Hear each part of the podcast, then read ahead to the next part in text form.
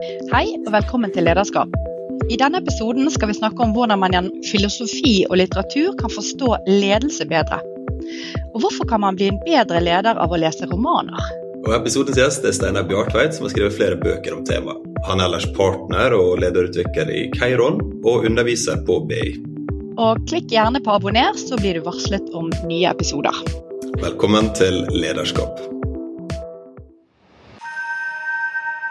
Velkommen til deg, Steinar. Takk.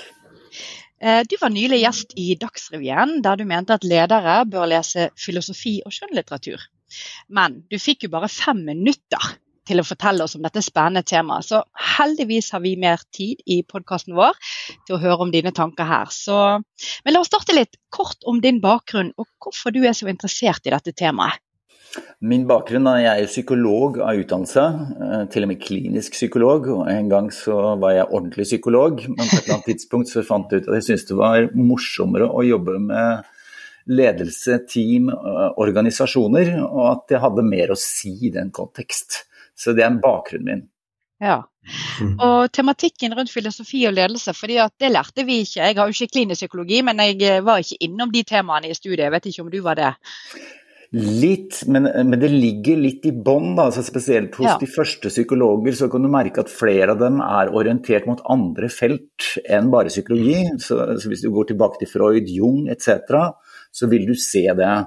Eh, Men så ligger det nok hos meg også en interesse av spesielt på skjønnlitteratursiden, og som naturlig nok kobler opp til filosofi etter hvert.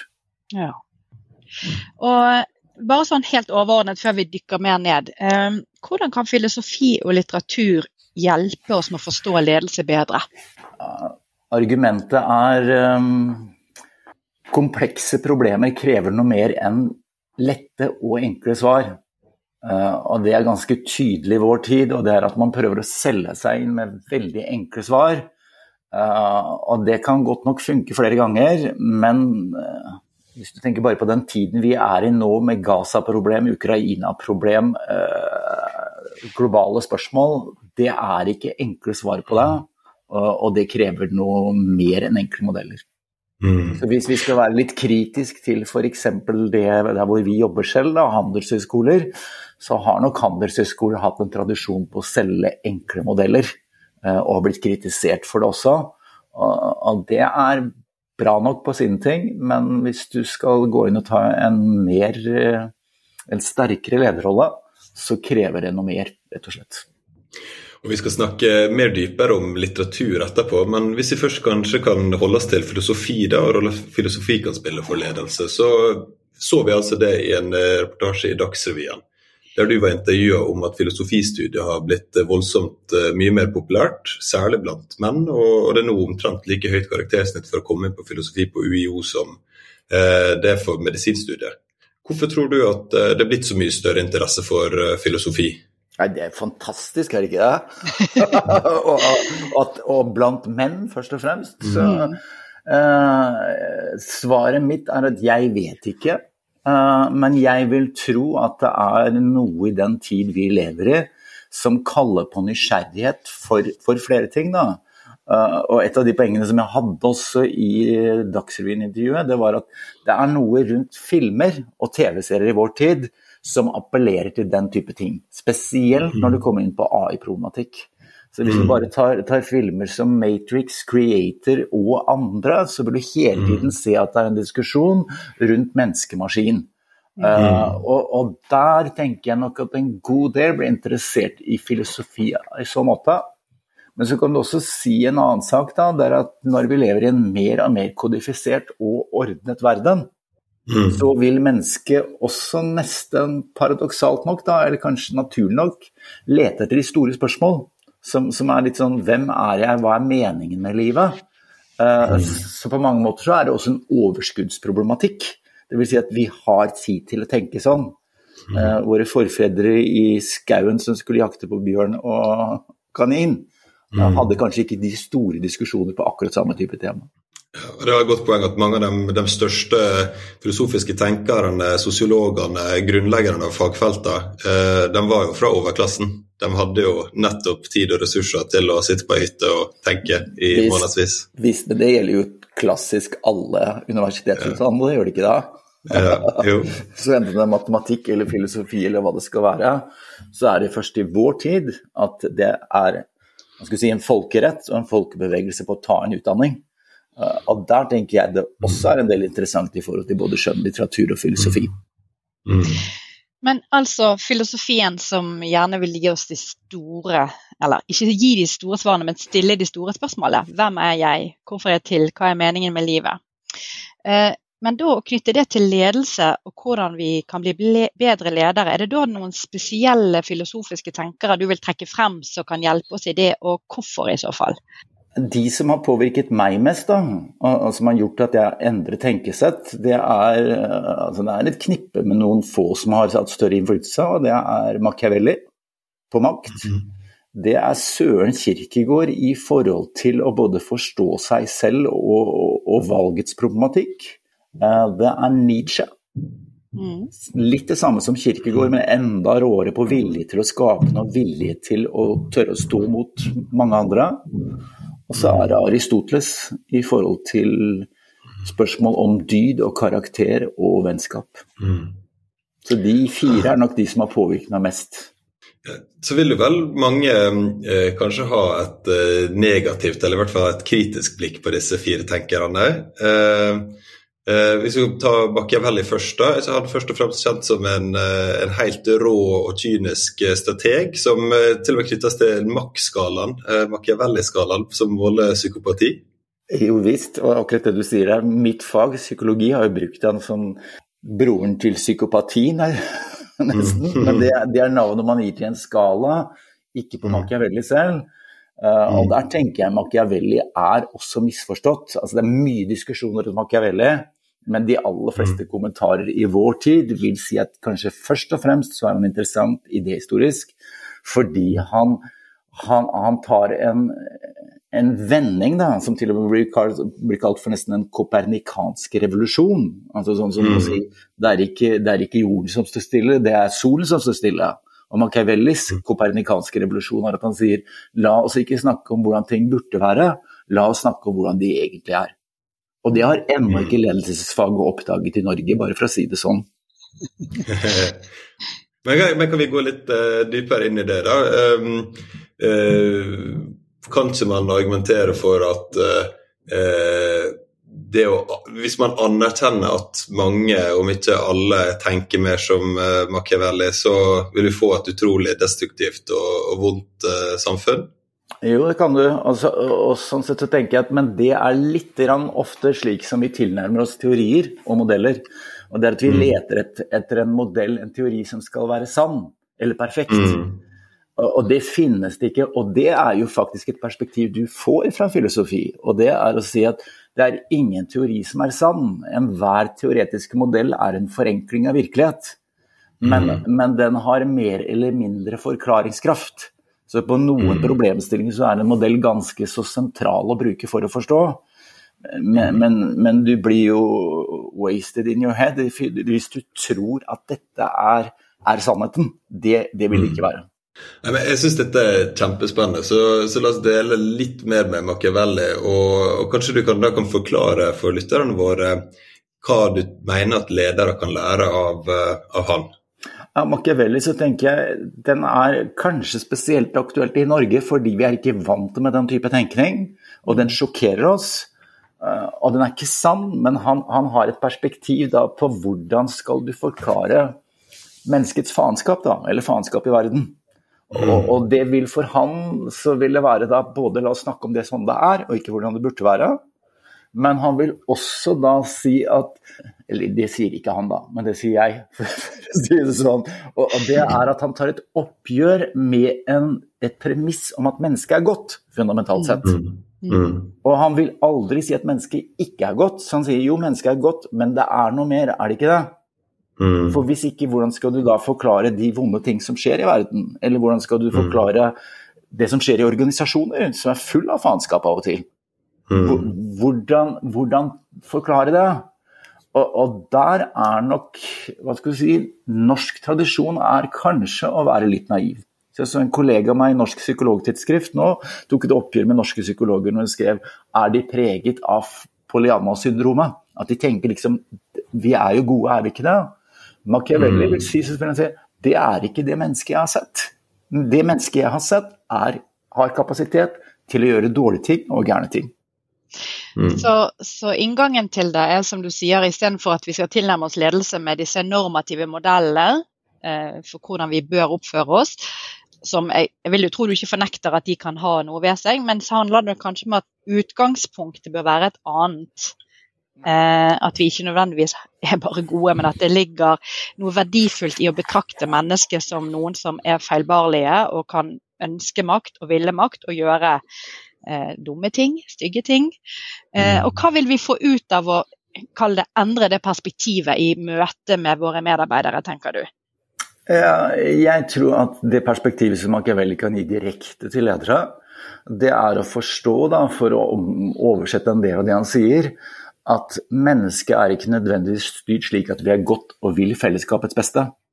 Mm. Meget. Mennesket er styrt, for å bruke en moderne term, av egeninteresse, self-interest. Ikke egoisme, det er litt feil sagt, da, men av egeninteresse, eh, self-interest. Mm. Og, og, det vil også da føre til at vi vil jobbe for eh, vår saker. Men det kan også bety at vi vil jobbe for verden slik jeg ser den, rett og slett. Og det mm. vil du møte i et hvilket som helst ledermøte, altså. Er du med i en konsernorganisasjon, så vet du at det er alltid en kamp om hvem er det som får gjennomslag i sine syn. Og, mm. og det er kun uerfarne ledere som tror at ledermøter er til for å fatte beslutninger. Det er de ikke. altså. Mm. Ledermøter er til for å ratifisere beslutninger som allerede har diskutert seg fram i forkant av et møte. Å kunne se at det er en verden, ikke, ikke en rå verden, men en verden hvor det er en kamp om makt. Mm. Og en kamp om ikke nødvendigvis makt for maktens skyld, men fordi at jeg ønsker å få mine synspunkter gjennom. Dette er mitt syn på strategi, og dette er mitt syn på hvordan det skal være. Mm. Så Jeg vet jo at du har vært tett på mange ledere. Sant? Både i lederutvikling, du har vært på BI i samspill og, og ledelse, og, og, har sikkert sett deres eh, hva vi kaller det, oppvåkning, eller endring i OK. Har du noen refleksjoner rundt eller eksempler på hvordan dette har påvirket de inn i sin ledergjerning? Ja, det ser jeg. Jeg ser at det kan ha effekt på at man realitetsorienterer seg og tenker at dette er ikke nødvendigvis å reise seg opp og si 'I have a dream'. og så mm. håpe på at gjennom engasjement og god overtalelse så skal folk følge det jeg tenker fordi det er til fellesskapets beste. Mm. Men kanskje er jeg nødt til å akseptere at den måten jeg ser verden på, er ikke slik som andre ser verden på. Men hvis jeg mener dette er riktig, og det er derfor jeg vil lede, hvor, hvordan skal jeg da få det gjennom? Mm. Jeg syns at dette er kjempespennende. Og eh, ja, en kanskje litt kontroversiell, men veldig morsom innfallsvinkel til Machiavelli. Så, det, så dette syns jeg er kult. Men jeg må jo også utfordre dere litt på at Machiavelli kanskje er mest kjent også for å ha satt noen sånne teser om hvordan man skal komme seg opp og fram. Altså et slags strategisk rammeverk som jo innebærer baksnakking og eh, dolking i ryggen. og eh, å lyge, og hvordan man skal lyge mest effektivt. Så det er jo nærmest mm. sånn teknikker for å oppnå makt og fordeler som er dypt uetisk, da. Man vil vel ikke eh, lære opp ledere i at dette er tips og triks til eh, hvordan du opptrer forferdelig? Nei, men Da tenker jeg at du er litt tilbake igjen til akkurat den diskusjonen vi hadde i, stad. og det er at mm. eh, Machiavellis modell er ikke perfekt. og Han vil si mange ting som jeg vil være totalt uenig i.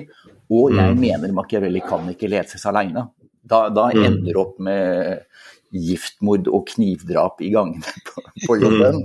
Mm. Så sånn sett så, så, så må enhver teoretiske modell leses med distanse, men mm. det gjelder min santen også balance scorecard, altså. Mm. Det er heller ikke en perfekt modell. Den er fantastisk på sine ting. Den er urussel når det kommer til kreativitet. Altså det, det er kontraindisert, rett og slett. Så i forhold til Machiavelli så, så for å ta Thereses eh, moment her i stad mm. Machiavelli gir skinn av at sin teori er kun deskriptiv, ikke normativ. Men det er han mm. kritisert for til evig tid. Selvfølgelig er han normativ i det han skriver. Og det han typisk gjør, og som er sleip, da, for han er jo en rev, det er, det er, at han sier dette er det jeg har sett, jeg vet ikke hva du skal gjøre med det som leder, men, men det ville jo vært rart Men det ville jo vært rart hvis du ikke gjorde noe med det. Så Sånn sett så gjør han det. Og når han f.eks. sier dette med lyve og sånn som det, så sier han i den verden jeg har sett, så, så ser jo de som når fram, er de som faktisk har gjort det. Men så har han diskutert i nyere tid, da, og de sier han kan jo ikke mene at du skal ljuge hele tiden. For, for, for mm. hvis han sier det, da, da, da, vet vi jo, da faller du, rett og slett. Så det mm. man tenker at han mener om lyving, det er det som du kaller på militærspråket preemptive strikes. Du ja. vet at andre kommer til å bryte avtalen. Og da vil jeg egentlig mm. Machiavelli si ja, hvis du vet det, så burde du bryte den først. ja. ja. ok, men um, det, er, det, er, spennende. Men la oss ta og gripe fatt i noen av de andre tenkerne du nevner også. Du sa, du sa at Søren Kirkegård var en stor inspirasjonskilde for deg. Han er uh, kanskje best kjent for et litt sånn trist syn på kjærligheten. og Det er bedre å leve alene enn å, enn å oppleve kjærlighetssorg. Og kanskje, kanskje litt dyster eh, filosof. Hva, hvordan vil du presentere han, og hva kan ledere lære av han? Ja, han er jo faktisk en filosof som jeg vil påstå har påvirket meg mest, rett og slett. Mm. Og vi, til og med, vi har arrangert Søren Kirkegård-seminar i Norge over fire samlinger med samarbeid med topp fagmiljø i København. Og, og mm. det jeg syns er fascinerende med Søren Kirkegård, det er egentlig å vekke meg til live på hvem jeg er, og tørre å våge å bli den jeg skal være. Og det som er fantastisk med han, syns jeg da, det er ja, han har et depressivt syn, men han er kjent for et depressivt syn også fordi han tør å snakke om de vanskelige ting. Så han påstår jo da, så sier han at hvis du virkelig ønsker å ta et valg om hvem du vil være, så vil du kjenne angst, er hans uttrykk.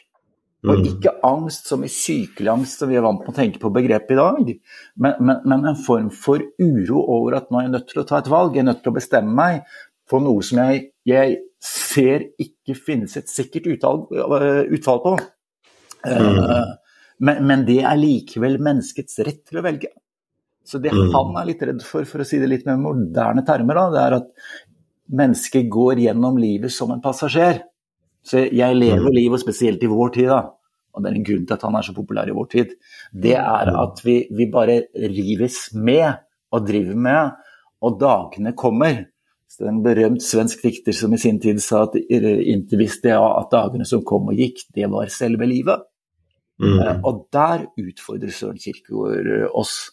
Og så hører jeg meg til historien, da. Ja, han har en ulykkelig kjærlighetshistorie, men han ender opp med en av sine siste bøker som heter 'Kjærlighetens gjerninger', så sier han 'du skal elske'. det er hans budskap. Jeg syns jo det òg er veldig fint, fordi at uh, herlighet Jeg vet ikke om dette blir en avsporing, men jeg leste en artikkel som sa noe sånt som at for bare mm, var det 100 år siden så hadde vi 2400 diagnoser, nå har vi 55 000 diagnoser. Ja. Så uansett om du kjenner på uro, så er det en diagnose for det. Eh, så her vil jeg da slå et slag for eh, kirkegård, nettopp i det at det å være et menneske er jo komplekst. Eh, mm. Det er ubehag, det er uro, det er angst. Og så må vi ikke mm. nødvendigvis diagnostisere det. Så kan vi, kan vi bringe dette inn til våre barn, våre ungdommer, våre ledere i å, ja, så du sier, våge å stå i, i dilemma og valg? Ja, og jeg tenker jo, det som du sier der, det, er jo en kritikk mot vår tid som er en diagnostisk tid. Ja. Og den får, den får, vår faggruppe psykologer ta sin del av skylda for, da. Eh, fordi det er nesten ethvert avvik blir diagnostisert. Mm. Og det lar seg helbrede, men avvik er ikke naturlig, du skal tilbake til normalen. Så jeg leste en kronikk i, i New York Times her forleden som sier at det er mulig nå i sorg allerede i første dag uh, i sorgreaksjon å få en diagnose på avvikende sorg. det, da er jo noe sjukt over det, da. Så, så En kollega av meg, Magnus Huth, også psykolog, skrev en kronikk her forleden hvor, i psykologisk.no hvor han, han, sier at det er noe med sorg som vil være evig. Så han bruker filmen Coco med Disney, hvis dere kjenner til den, som handler om at i meksikansk tradisjon så dør du to ganger. Den første er den måten vi dør på. Andre gangen du dør, er når du blir glemt. Mm, Så mm, virkelig sorg blir du aldri kvitt. Det er en løgn fortalt av terapeuter. Sorg sitter i deg. Hvis det er et menneske du har mistet, så vil sorgen alltid være en del av deg. Og når din sorgen forsvinner, ja, da dør det døde mennesket andre gang skikkelig. For da er det ingen som Mm. lenger minnes dem. Nettopp. Og, men vi får, ta, vi får ta en til. Du nevner også Nietzsche som en inspirasjonskilde. og Han er kanskje ikke bare tent som pessimist, men også som menneskefiendtlig. Misantrop. Ja, ikke bare det. Eh, Så eh, fortell, fortell mer om Nietzsche. Ja, han- eh, bare for å si det, og han ble misbrukt av nazismen. Gjennom Mm. sin søster som satt på hans bøker, hans arv, og, og hadde veldig sans for Hitler. Så han, hans teori ble dessverre altså, misbrukt. Det er først i vår tid, når vi liksom har kommet forbi det, at man kan gå, tilbake og se hans, hans fantastiske verker. Er, altså, han er jo rå å lese. Og, og hvis du snakker, snakker om menneske og liv og teori han, han, han er jo ingen suksess i det hele tatt. Han mislykkes i alt. Alle er enige om at han er geni, men han liksom skifter studier, og når han får det professorat som den yngste av alle gjennom tidene i, Basel, så forlater han stillingen, produserer masse bøker, lykkes ikke, kjemper mot migrene, blir dødsforelsket i Lo Salomé, som stikker av gårde med bestevennen til Nietzsche. Altså, alt er bare for jævlig, og til slutt så blir han også gal. Eh, og blir sagt, liksom lagt inn og totalt eh, grønnsak. Like full så skriver han eh, 'Jeg er intet menneske, jeg er dynamitt'. Det som ikke dreper meg, gjør meg sterkere. Så han har masse sitater knytta til det. altså Veldig mange ganger når vi uttaler oss om ting, så er det Nietzsche. Men, Mm. men han er jo altså han er jo samme, samme leir som Søren Kirkegaard. Nietzsche Mm. vil at vi skal bruke livet, rett og slett.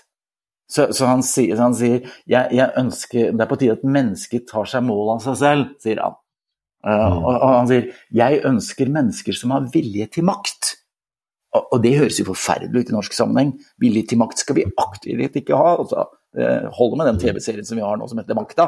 vi har fått sett nok der, har vi ikke det? Men det er ikke det han sier, for på tysk så sier han 'ville so macht'. De som har tatt tysk på skolen, da. Så nå, nå kommer det til nytte. Makt kommer fra verbet 'machen', som også betyr det å lage og gjøre og skape. Så det Nietzsche egentlig mener, er ikke makt, makt over andre, men han mener makt til å skape. Så jeg ønsker meg mennesker som faktisk går ut og skaper noe. Så, så han, hans syn er egentlig også at det er meningsløst å dra på selvaktualiseringskurs eller på Solstrand-program for å prøve å finne ut hvem er jeg? Hvordan faen skal du finne ut det hvis du ikke har skapt noe først? Så, så først må du skape, og så kan du svare på spørsmålet hvem er jeg? Hvis ikke så vil du gå rundt nesten i en bedøvet tilstand i verden. Så, så, så hans skrift er kamprop på å si hvor kommer det mennesket som faktisk kan skape noe? Så når Nietzsche er berømt da, for bl.a. å ha sagt 'Gud er død', så reagerer jo hele bergensområdet og Vestlandet og sørover til Rogaland og, og Kristiansand. Men, men det er ikke det han mener. Han mener å si at egentlig etablerte tankesystemer og trosretninger eller vitenskap, han mener begge deler, er ikke svaret. Det svaret må du finne for deg selv. da. Hva er livet, og hva ønsker du å gjøre med det? Der er hans utfordring. Så, så når han skriver legenden om Gud er død, så sier han det kom en galemann inn på torget i en by og skrev 'Gud er død, Gud er død', og vi har drept ham! Og alle ser forbauset på ham, og så sier han til slutt hm, 'Jeg har kommet for tidlig'. Fantastisk, er det ikke det? På 1800-tallet. Men nesten han, han snakker om seg selv. Ja. Nei, her er det jo utrolig mange fine perspektiver, eh, som du sier, Steinar, inn i ledelse. Med, hvis vi skal oppsummere litt da, før vi går over til skjønnlitteraturen, med at uh, makten gjennom fyrsten, gjennom Machiavelli, litt sånn hvordan er tingene. Vi må ikke tro at mennesket går rundt og er bare godt. Vi må være realistiske, pragmatiske. Uh, men vi må ville skape, uh, og det er jo spesielt viktig for ledere, vil jeg tenke. Og gjennom å skape Eh, hvis vi leser Kirkegård, da, så er det jo noe med å finne ut hvem vi er. Eh, og at vi kanskje er autentiske som ledere, vil jeg tro er, er viktig. Selv om jeg er skeptisk til den ledersteorien som heter autentisitet i ledelse. Men eh, det blir en annen, en annen, sak. Veldig mange spennende perspektiver. Jeg vet ikke om Du nevnte jo også Aristoteles. Er det noe du vil legge til fra han, sånn at vi liksom har tatt de fire? Ja, Aristoteles har et annet syn. Og, og her tenker jeg nettopp det som vi prater om. Det å se at ulike modeller ikke gjør deg forvirra, men du gjør deg rikere. At du faktisk mm. har et perspektiv som gjør at du kan se ting på en annen måte. Eh, det jeg syns er det flotteste Aristoteles skriver, er eh, det i en bok som heter Den nikomakiske etikk, hvor han snakker om dyd. Ja. Han, sier, han vil egentlig si skal du lære av en skikkelig lederskole, da skal, da skal du bygge karakter, har han sagt. Mm. Og det er gjennom dyder. Og dyder høres veldig pietistisk ut i Norge, men han snakker om ting som mot, han snakker om ting som visdom, han snakker om ting som uh, evnen til å kunne skamme seg. For hva slags helvete samfunn beveger vi oss inn i hvis du skal være skamløs? Det er jo ikke et godt mm. samfunn, da. Altså Interessant mm. nok da, så sier han at en, en dyd av det å brygge karakter Du kan ha for mye av en dyd, og du kan ha for lite av en dyd. Så hvis du ikke har mot, så er du feig. Men hvis mm. du har for mye mot, så er du jo overmodig og høy på deg sjøl, rett og slett. Så du trenger noe midt i, sier han. Middelveien er dyden. Men så skriver han også nydelig om vennskap. Og, nesten sånn for å understreke det som vi av og til glemmer litt i forhold til ledelse. Uh, Aristoteles peker på at skal du ha, være, bli en god leder, så må du ha gode venner. Han kaller det for dydsvennskap. Og det er ikke sånn I scratch your back, you scratch my back, eller at vi har det fantastisk sammen. Dydsvennskap for han, det er at du har gjennom livet noen venner, noen få venner, som bringer det beste ut av deg, og du trenger dem for å utvikle deg selv. Så, så det er ikke fordi de gir deg noe, men det vennskapet i seg selv trenger du. Mm. Og det vil du trenge selv når du er på topp i ledelse. Mm. Så dessverre i vår tid da, så tenker vi litt sånn at ledere skal stå alene og sterkest er de, og den ensomme helten som ofrer alt. Nei, vil Aristoteles si. Ledere trenger også venner. Mm. Og Der peker du på noe som jeg synes er veldig interessant. for Det er jo nettopp i eh, undersøkelser av f.eks. toppledere, der de beskriver at de føler seg ensomme. Ja. Fordi at du skal være den som egentlig ikke skal dele alt. Du skal være den som er på topp, du skal ta avgjørelser, du skal virke så du har kontroll. Eh, og hvem er du da til å dele dine usikkerheter og uro? Eh, og spesielt ikke på en arbeidsplass. Selvfølgelig har du disse vennskapene utenom, men eh, så er de travle, og når har de tid til å sette seg ned med sin kamerat og, drodle om livet, gjerne. Sant? Så jeg syns du peker på noe ekstremt interessant og viktig der. Og der er det en, en ekstra interessant, litt paradoksal ting i vår tid, spesielt i Norge. Da. Hvor skal du da få de vennene? Fordi det er ganske vanskelig, er ikke det? Uten at jeg blir sagt opp som statsråd, eller, eller, hva det skal være. Så da må jeg helt tilbake da, til liksom, eh, videregående skole eller studietiden. Det er ikke det som er typisk. Altså, når jeg er ute og jobber med ledere, jeg ser ledere som sitter i jobb og skaffer seg gode, dype vennskap av de folk man jobber sammen med. Selvfølgelig, da. Så for å forsvare Trettebergstuen litt da, i forhold til det å anbefale folk Hvis jeg skulle anbefale noen til en stilling Jeg ville jo anbefalt det folk jeg kjenner godt, for jeg vet om de er dyktige her. Jeg vil ikke mm. anbefale alle jeg kjenner godt, for mange av de er udyktige i en stilling. Men for i det hele tatt å ha en kvalifisert mening, så vil jeg ha kjent dem. Mm. Og ledere trenger også venner. Vi er ikke tjent med ledere som, som tror at de er sterkest når de er aleine himmel, de er jo livsfarlige. Mm. ok, men Da har vi, da har vi fått uh, flere eksempler på, uh, på, filosofiske innfallsvinkler til konkrete problemstillinger. Men, men, før vi går videre til skjønnlitteratur, så skulle jeg gjerne hørt litt mer om hvordan du strukturerer utdanninga på, på, BI, og hvordan du legger fram eh, filosof, filosofiske tenkere eller filosofiske problemstillinger for ledere. Kunne du sagt litt om det? Vi knytter jo til temaet, ikke sant. Og sånn sett så, så, vil vi ofte at folk skal lese originallitteratur. Mm. Eh, men jeg vil ikke ha noe tvangslesning. Det, altså, det er du forbi. Så hvis du skal lese filosofi, så må du lese det spist. Og du må mm. typisk lese det i en situasjon hvor du kan diskutere det med andre. Uh, mm. Og for så vidt så er jo altså, undervisningens oppgave er jo å gjøre stoffet tilgjengelig. Både å forklare det og aktualisere det.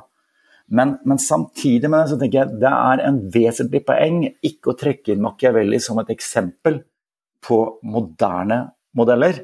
Ei heller mm. Søren Kirkegaard på autentisitetsmodeller, sånn som Therese nevnte her. La de stå alene og se etter om de er interessante på sånn som de forsto og tenkte på sin tid. For da kan det godt tenkes da at de kan belyse vår tankegang. Og dette er jo nesten da å se på teoretiske modeller og kunnskap ikke som en kumulativ sak som øker bit for bit for bit opp gjennom århundrene, men også som en parallellsak. Mer ut fra Thomas Kohn og paradigmeskifter, faktisk da at ulike modeller har ulik forklaringskraft. Men jeg ville nesten aldri presentert en teori uimotsagt. Jeg ville typisk trukket inn en annen teori som, som presenterer det. Så Hvis jeg f.eks. bruker Machiavelli, så kan jeg kjøre hardt på Machiavelli én dag, to dager, tre dager, inntil jeg den fjerde dagen sier men her skal dere få høre noen som mener at han er spika spenna gæren. Og dette går helt til helvete hvis dere følger hans råd. For, for det er i den konteksten at, at du vil utsikre visdom og klokskap. Ikke ved å få et fasitsvar. Da, da, det er utenatlæring. Men hvis du lærer deg faktisk å se ulike perspektiver opp mot hverandre, så blir det en dialektisk modell hvor du må finne din syntese. Du må finne ut hva som, hva som ligger her. Mm. Hva er ditt syn på nordmenn generelt? For jeg spør deg, for Når vi snakker om Machiavelli, så eh, og du sier at dette er nytt i norsk faglitteratur og sånt. Er nordmenn eh, på generell basis, eller norske ledere, naive? Eh, Nei, jeg opplever norske ledere, og det er ikke bare sånn for å flørte med lytterne. Jeg opplever norske ledere som veldig åpne for nye perspektiver. Og dessverre da, så er det sånt rykte på at nordmenn er så lukket av seg. Nei, det er vi ikke. Hvis du sammenligner oss med franske eller italienske ledere, så er Norge, norske ledere mindre emosjonelle i uttrykksformen mm. sin. Men på å være åpne, på å diskutere, så ligger Norge langt foran, altså.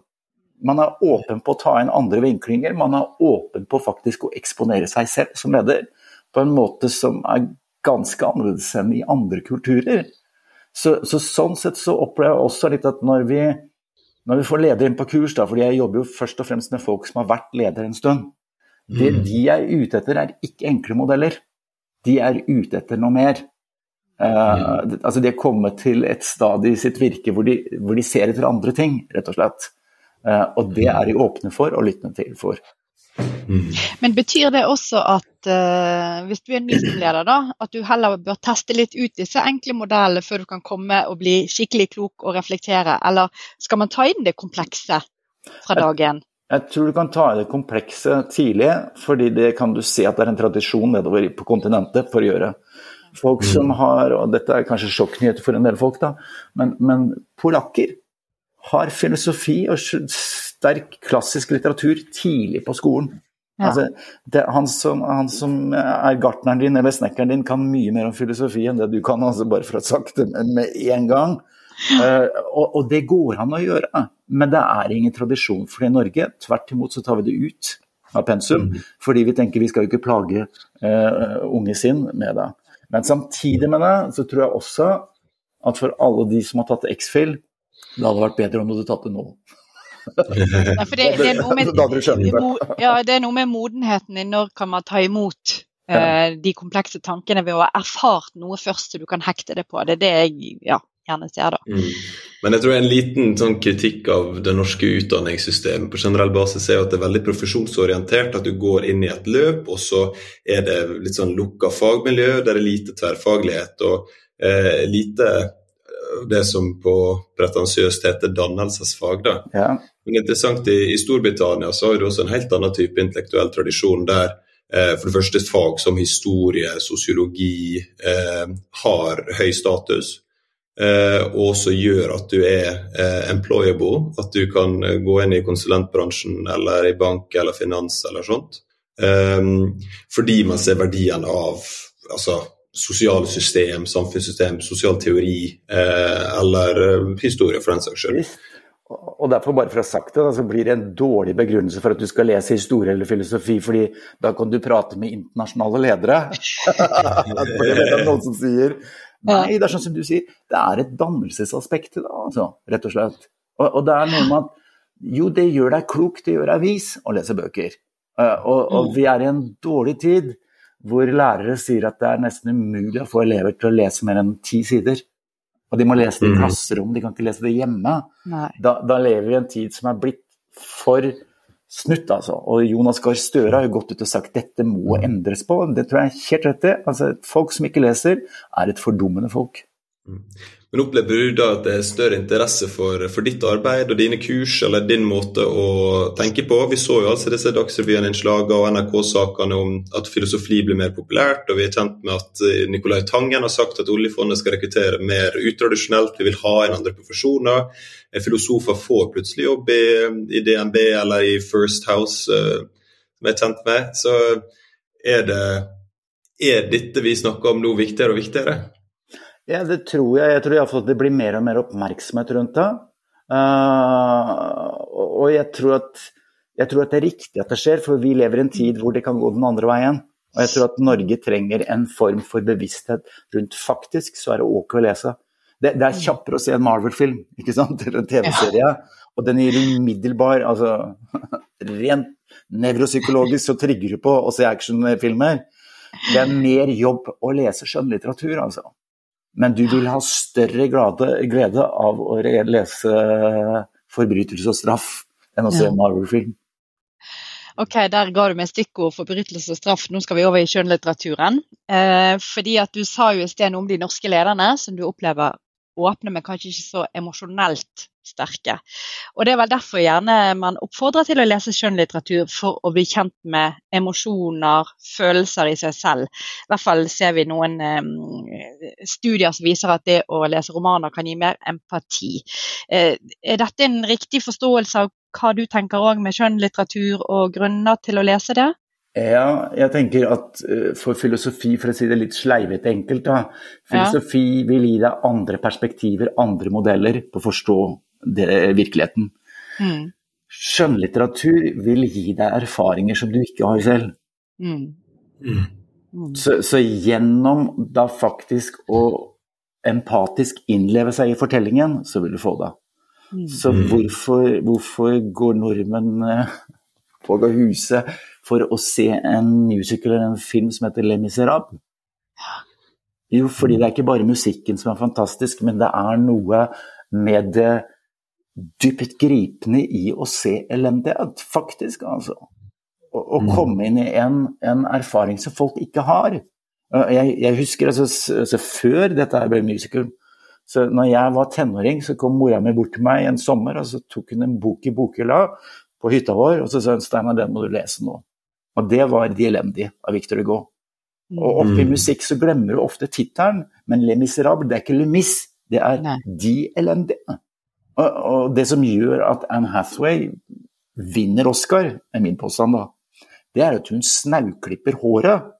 Og i et par minutter greier jeg å få det til å forstå hvor elendig, hvor forferdelig hennes liv er. Og mm. den type erfaring trenger du også ha med deg. Og den får du gjennom skjønnlitteratur. Og altså bare for å ha sagt det, gjennom god film eller gode TV-serier så kan du også få det. Mm. Er det da, eh, Hvis vi skal knytte det opp til ledelse, er det da eh, vi spurte deg om noen enten filosofer, men er det noen litterære verk? Nå nevnte du De elendige eh, i forhold til ledelse. Er det andre du vil trekke frem som kan gi oss eh, perspektiver på ledelse, eller få ledere til å bli mer reflekterte og empatiske? Ja, og sånn metakommentar. da. Akkurat det jeg sier nå skal kanskje være i innledningen istedenfor det første når du begynte å spørre om filosofi. Hva brakte deg inn på filosofi? Mm. Ja. For det var kanskje mer i skjønnlitteratur det skjedde. Ja, ok. Så, så jeg merket at første gang jeg begynte å få sånn ordentlig sans for litterære eller filosofiske perspektiver inn i ledelsesfaget, det var når jeg skulle velge en pensumbok for teamledelse og gruppedynamikk. Og så skjønte jeg etter hvert at en bok jeg hadde hatt på skolen, kunne vært mye bedre enn en hvilken som helst fagbok. Og det er den boken som er skrevet av William Golding, som heter 'Lord of the Flies'. Fluenes mm. herre. Ja. For hvis du leser den med tanke på grupper, så er det fremragende psykologi på hver eneste side. Mye bedre enn det mm. forfatteren selv skjønner. Altså, den, den er vidunderlig på deg. Og den eneste lille sånn nedtur er at han tør ikke fullføre fortellingen på de to siste sider. Så, så det er mm. nesten som at han, han, blir klar over hva han er i ferd med å skrive. Og da går han ut av karakter, holdt jeg på å si, og så innfører han en voksen for at dette skal ende ikke helt, helt svart. Men, men, det er en glimrende bok på å fortelle både om hvordan grupper kan fungere på det mest fantastiske og på det mest forferdelige. Mm. Ja, den, eh, den, er veldig sterk, og den husker jeg vi leste på, på slutten av barneskolen. for så vidt. Det var jo sikkert satt opp pensum på ulike skoler ulike sted, men, mm. men den er, er, veldig sterk. Uh, men er det noe mer enn la oss si, empati og innlevelse og, og, dette med å få tilgang på erfaringer, men kanskje eksempel på lederstil? da, La oss si en kompromissløs Moby Dick eller er det, Nei, tenker, tenker, du at det er overføring på den måten? Nei, og det, det, det, er et bra poeng. da. Jeg tror ofte at hvis du leser skjønnlitteratur eller filosofi, det å lete etter eksempler sånn par excellence, som det er sånn jeg skal gjøre det, mm. mm. det, det, får du ikke. Fordi du, du, får, du, får, et bilde, men du får også en, en, en downside. da. Så når jeg skrevet en bok om den fremste av alle greske heller, som heter Akillefs så hvis du leser Homer og hans bok 'Hiliaden', så er Achilles den store helt. Og alle er enige om den. Han er den beste av alle de greske lederne. Mm. Men det eneste forhold nordmenn har til Achilles i vår tid, det er på noe annet, er det ikke det? Men det er uttrykket 'Achilles hæl', som er både en fysisk forankret sak på kroppen min, men mm. også en metafor i forhold til en svakhet. Mm. Så hele Homers fantastiske historie, da, hvis Homer noensinne hadde eksistert, parentes bemerket, så er det at boken hans starter med setningen 'Fortell meg, musa, om Akilles raseri'. Så det er omtrent i, i, første setning som en god bok skal ha, så angis Altså det slår av tonen at dette handler om det beste av de alle, men som faller på sitt raseri, på sitt sinne, på sin vrede. Mm. Mm. Og, og, der tenker jeg at det er noe av det interessante å lese skjønnlitteratur. Der, altså, gode litterære verk er ikke endimensjonale, de er flerdimensjonale. Derfor så blir det så forferdelig når Disney skal lage en eh, film om Hercules. Han er jo en amerikansk quarterback, må vite, i den filmen. Mm. Han, han er ikke interessant i det hele, men han er interessant i gresk mytologi. Det er mye mer komplekst, altså. Og det er den kompleksiteten som er interessant å lese om. altså. Det er et verk som du kan vende tilbake til og lese om igjen og om igjen og om igjen. Mm. Og eh, altså, Næringslivsavisa Dagens Næringsliv den har jo skjønt, en fast eh, spalte på eh, nattbordet. Ja. Eh, der ledere gjerne blir da, skal da fortelle om hva de leser på for tida og sånt. Har de ikke altså, sluttet med det nå? jo, den ble vel lagt ned for et, eh, for et par år siden. Eh, men den kjørte vel i sikkert 20 år. Vet du hvorfor den ble lagt ned? Fordi leder når du sluttet å lese? det var dine ord, ikke mine. men, men, det var kanskje liksom et uttrykk også for, for kulturell kapital. da, altså ja. En sånn framvisning av, av god smak. Eh, så poenget ditt er at dette handler, at skjønnlitteratur handler mer om dannelse. Eh, det handler om mer enn kulturell kapital. Det handler konkret om erfarings, erfaring eller empatipille, om du vil, som skal gjøre det til en bedre leder i det daglige? Nei, ikke bare det. Jeg tenker Viktigere enn det så er det faktisk at boken er et speil for meg til å mm. forstå meg selv.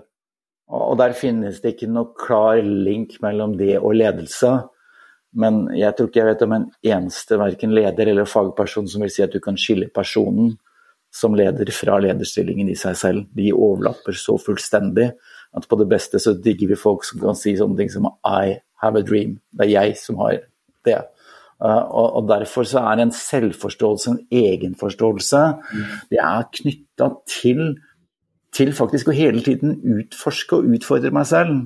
Nietzsche og Kirkegård, mm. som jeg nevnte i stad, de vil jo si du blir aldri ferdig med det. Du, du forandres jo gjennom hele livet. Du er på jakt etter og, og, og, finne enda mer ut om deg selv og teste deg ut for nye situasjoner. Og, og, det gjør også at når du leser en god bok, så, så vil du der så vil du finne ting som speiler deg, som utfordrer deg, og som får meg til å tenke, eller iallfall kjenne noe, da, uten at jeg kan sette ord på det. Og, og bare for å ha sagt det, da. Det behøver ikke være de mest kjente, flotteste bøker, altså. Kan godt tenkes at du kan eh, lese Jon Foss og ikke forstå bæret av en så lang betraktning uten punktum. Og det, det er mulig å gjøre, altså. Det kan like gjerne være en enkel bok, men som for deg treffer noe, da. Så, altså jeg husker når jeg var liten, så leste jeg Jungelboken, som mange må, skal ha lest, ikke sant. Mm.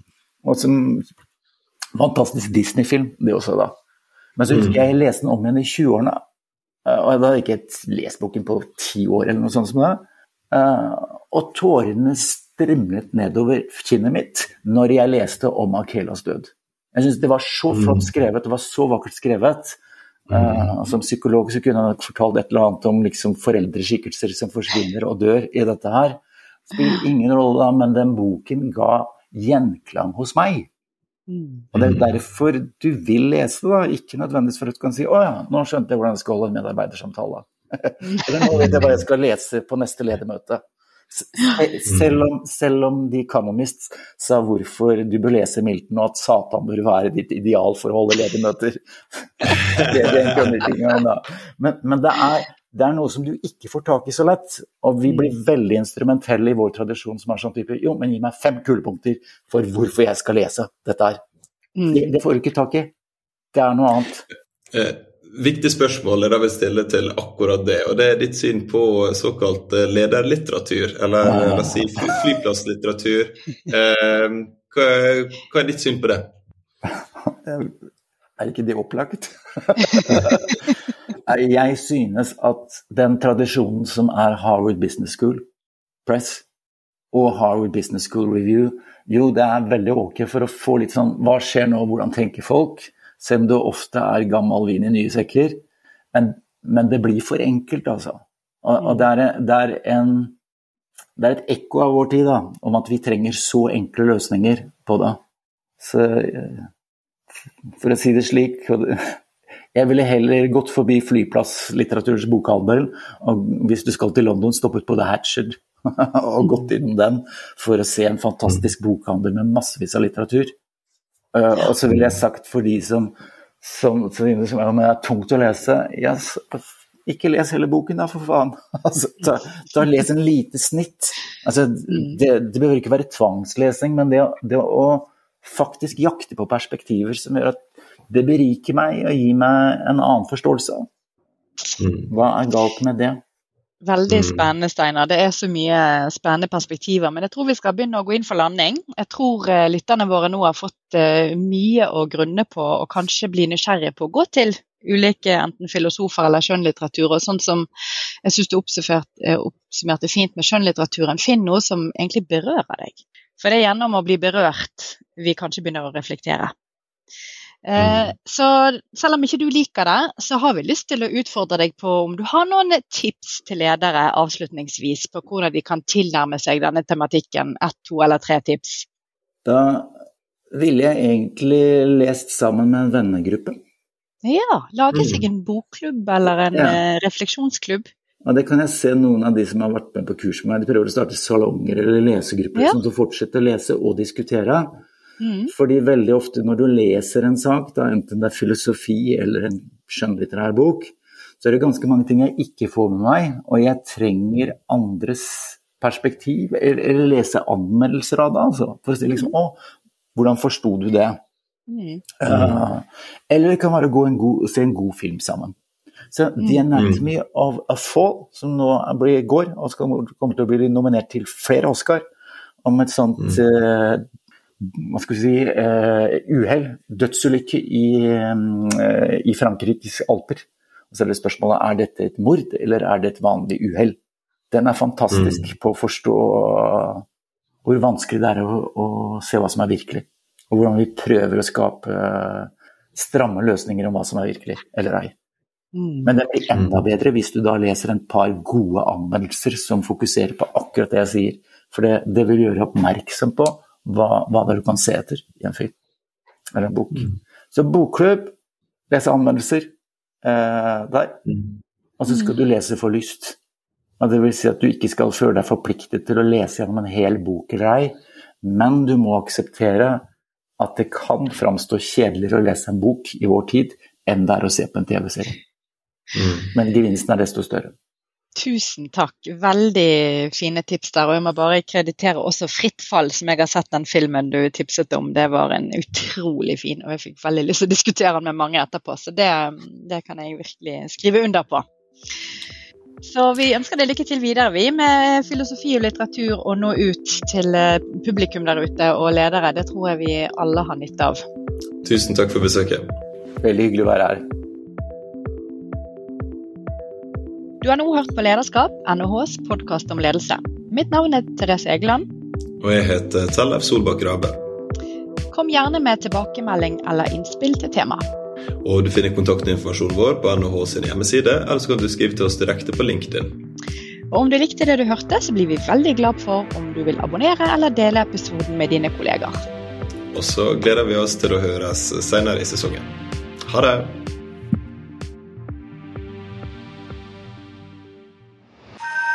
Dette er en podkast fra NHH, Norges ledende fagmiljø innen strategi og leding. Trenger du mer faglig påfyll? Sjekk ut NHH Executive for våre etter- og videreutdanningstilbud.